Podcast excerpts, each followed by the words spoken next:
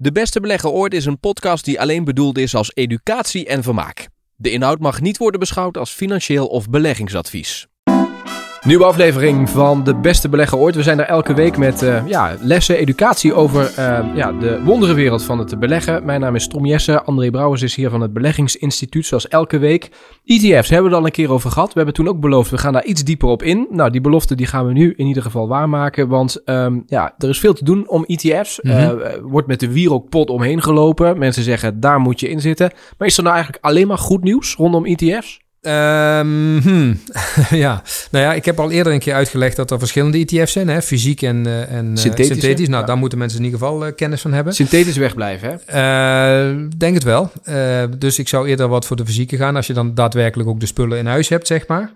Um, maar als je het over ETF's hebt, is het in principe natuurlijk een prachtuitvinding. Hè? De, de, daardoor is, is zeg maar spreiding voor kleinere kapitalen toegankelijk. Hè? Dus mensen met een kleine portemonnee kunnen nu ook gaan beleggen. Dus dat vind ik een groot goed.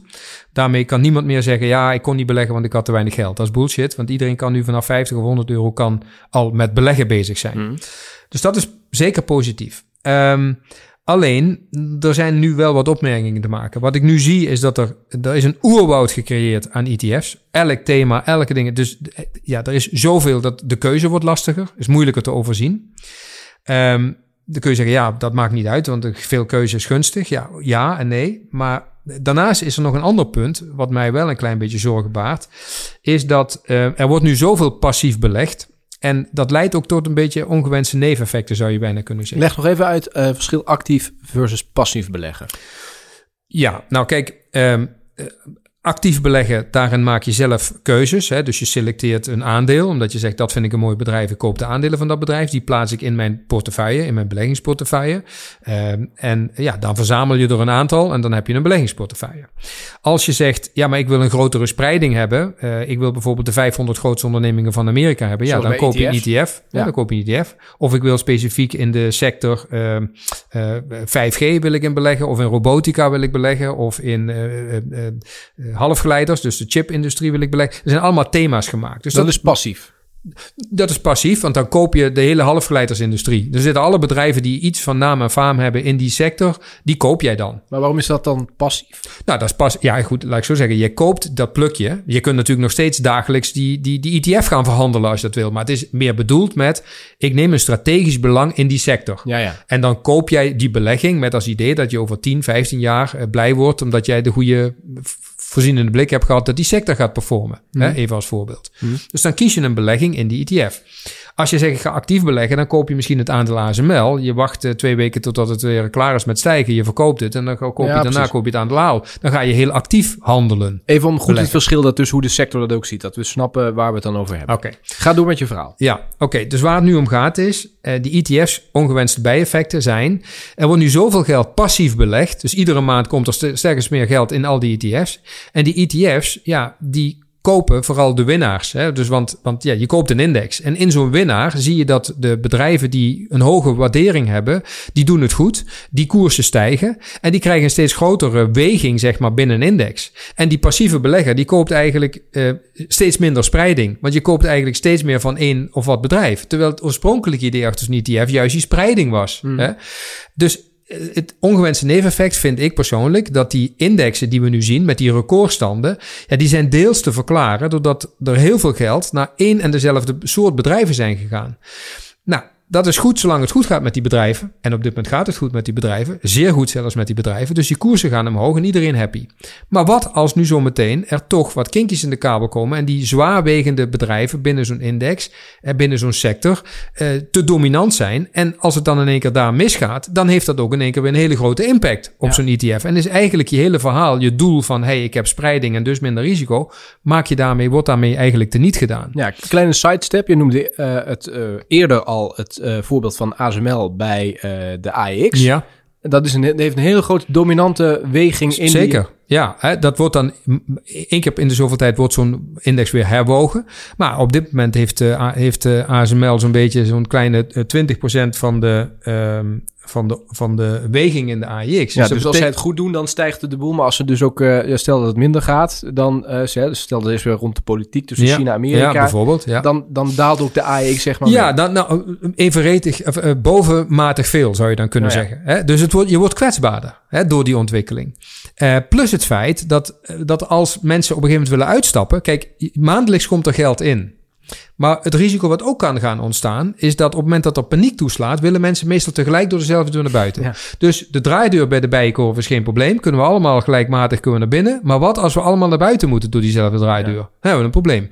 Nou, dat is natuurlijk ook gecreëerd door die ETF's. Daar praat niemand over, overigens. Hè? Want ja, goed, iedereen heeft belang bij dat iedereen netjes in die ETF's gaat. Want het is zo'n geweldig eh, fenomeen. Mhm. Ja, ik voorzie daar nog wel. En dat is dus mijn kanttekening daarbij. Dus twee kanttekeningen bij dat hele verhaal rondom ETF's. Mhm.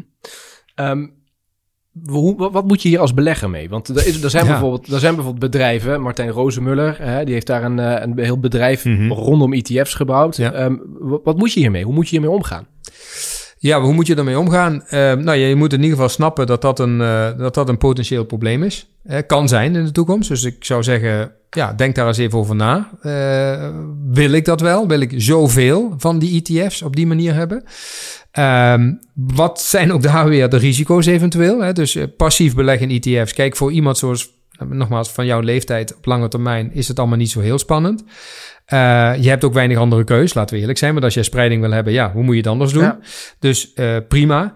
En jouw belang op dit moment is ook nog niet zodanig groot dat je erover kunt struikelen. Maar mensen die wat meer op leeftijd zijn, grotere belangen hebben, grotere bedragen hebben en alleen maar dat index trekken aan het doen zijn, ja, die kunnen straks misschien eens een keer heel vreed eh, verrast worden door zo'n door zo'n draaideurbeweging, zeg Ja. maar.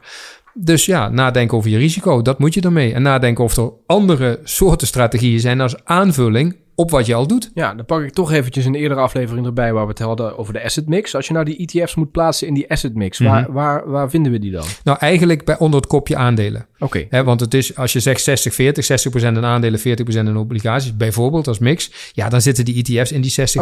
Oké, maar dan zoom je dus in op die aandelen. Hoeveel is dan van die aandelen ETF? Of, Afhankelijk van wat je zelf wil. Wil je zelf een actief beleid voeren? Vind je het leuk? Heb je er zin in? Heb je specifieke kennis? Kijk, er zijn mensen die zijn specialist in een bepaalde sector. Nou, ik kan me voorstellen als jij eh, eh, in de chipsector een, eh, kennis hebt, dat jij meer geld in de chipsector zal beleggen, omdat je daar voeling mee hebt, Ja. feeling mee hebt. Ja, als je dat niet hebt, ja, dan zul je misschien meer in ETF zitten. Hè? Dus zul je misschien wat minder specifiek in bepaalde bedrijven zitten. Ben jij eh, een of andere dokter en je hebt zicht op de biotechnologie sector en je zegt, hey, dat is een zeer waardevolle ontwikkeling, zul je misschien specifiek in dat ene aandeel van die biotech firma zitten. Anders zit je misschien in de biotech ETF, om maar eens wat te noemen.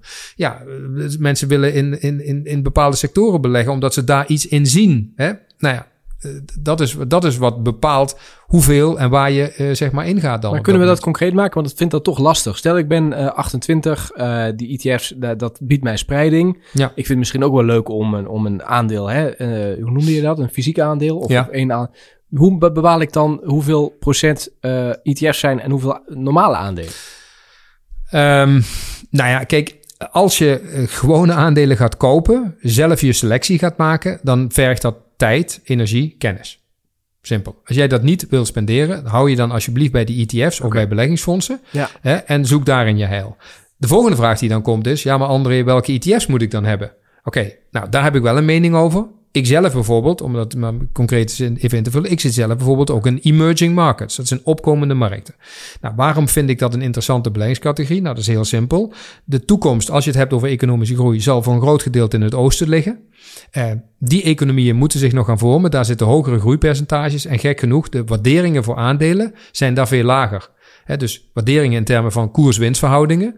Een aandeel kun je eh, kun, niet zeggen, ja, de koers is lager of hoger. Nee, de koers-winstverhouding. Het gaat altijd om wat ben je bereid naar de toekomst toe te betalen voor een bedrijf. Dus hoeveel keer de winst betaal je van een bedrijf? Dat is eigenlijk wat je doet als je een aandeel koopt. Doe je in de vorm van een koers-winstverhouding, kun je dat meten.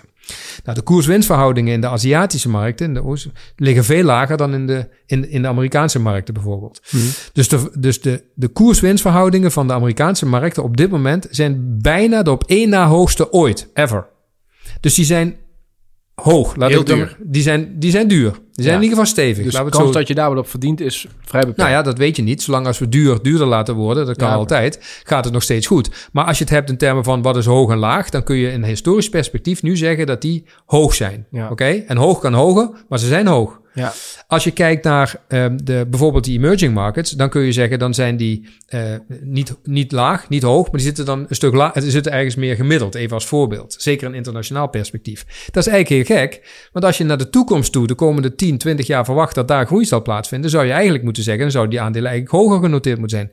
Zijn- is dus niet het geval. Nou, dat vind ik dus een reden, hè, voor iemand die dus een wat langer termijn perspectief heeft, om bijvoorbeeld daar een deel van mijn eh, geld in te beleggen. In een ETF op emerging markets. En wat zit er dan, wat, wat, wat in die, dan hebben we het over China bijvoorbeeld, India. Wat, wat, wat heb ik dan in die landen? Nou, dan heb je bijvoorbeeld, eh, noem eens wat, Alibaba. Dan heb je, hè, dus van... van, van Oké, dus dat zijn bedrijven uit die landen die Ja, zeker. Dan heb je Alibaba, dan heb je Tencent, dan heb je de grote banken, dan heb je de grote industriële ondernemingen van die landen. Dus dan Mhm. koop je de, top, de topbedrijven uit die landen. Hè? En dan heeft China weer een bepaalde weging en India heeft een bepaalde weging en Indonesië en Maleisië en Thailand en Vietnam. En, in zo'n. ETF zit een spread, er zitten kunnen Chinese bedrijven, Indiaanse Zeker. bedrijven. Oké, maar Ja. je zou kunnen zeggen, ik neem, eh, als ik denk van, hey, India, dat gaat op, ik pak pak een ETF in Zeker, India. ja, zeker. Precies, dat soort dingen. Alleen ja, dan is dus de keuze, hè, hoe bepaal jij nou dat India het voor de komende tien jaar gaat doen? Ja, Ja. daar kun je ongetwijfeld een heel mooi boek over lezen, een hele story over vertellen. Maar bottom line is, Je weet het niet. exact. Ja. Je hebt veel geleerd al. Ja, ik leer iedere keer bij. Ja. ja. Mocht je nog En, vragen dus, en dus moet je dan maar spreiden, Tom. Dat is dan het verhaal. Hè? Tenminste, in die zin spreiden Ja. daarin. Ik had nog één vraag die had ik opgeschreven van die, die waarde van die ETF's. Hè? Als daar nou, ehm, nou, laten we weer eventjes die Amazons en zo pakken. Dat is als je daar één aandeel van, als je dat opzoekt, val je achterover. is volgens mij 700 dollar, 800 dollar. Ja. In zo'n ETF is natuurlijk een deel daarvan. Dat is veel goedkoper. Maar hoe bepalen ze dan de waarde van zo'n ETF aan de hand van de bedrijven die erin zitten? Ja, ze houden de weging aan vanuit een index. Hè? Dus het aandeel Amazon op dit moment is zelfs eh, eh, nog meer dan die 700, 800 dollar. Ik praat Ja. over een paar duizend dollar. Ja. Eh, dus ja, dan heb je in een. Maar je hebt ook de Nasdaq-index. En de Nasdaq-index, daar zit Amazon in, daar zit Facebook in, daar zit Apple in. Aandeel Apple doet 125. hè. Eh, maar is het dus een gemiddelde? Ja, dus Oké. je krijgt zoveel aandelen Facebook, zoveel aandelen Ja, ja, Apple, oké. zoveel aandelen. Dat tel je bij elkaar op in die weging en dan krijg je de waarde van die index. En die waarde van die index is bijvoorbeeld dan, ik noem even wat, 3000 punten. Ja. En daar neem jij dan een gedeelte van. Eh, podcast apenstaartbeleggingsinstituut.nl. Daar kun je eh, terecht als je meer vragen eh, hebt. Intussen daar gaat de telefoon hier af. Die gaat André opnemen. Dus tijd om af te ronden. Volgende week zijn we terug. Je vindt ook trouwens het linkje in de beschrijving. Als je André een keer wil uitnodigen voor bijvoorbeeld een keynote.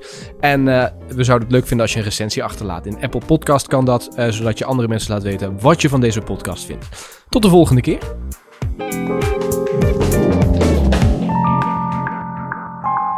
De Beste Belegger Ooit is een podcast die alleen bedoeld is als educatie en vermaak. De inhoud mag niet worden beschouwd als financieel of beleggingsadvies.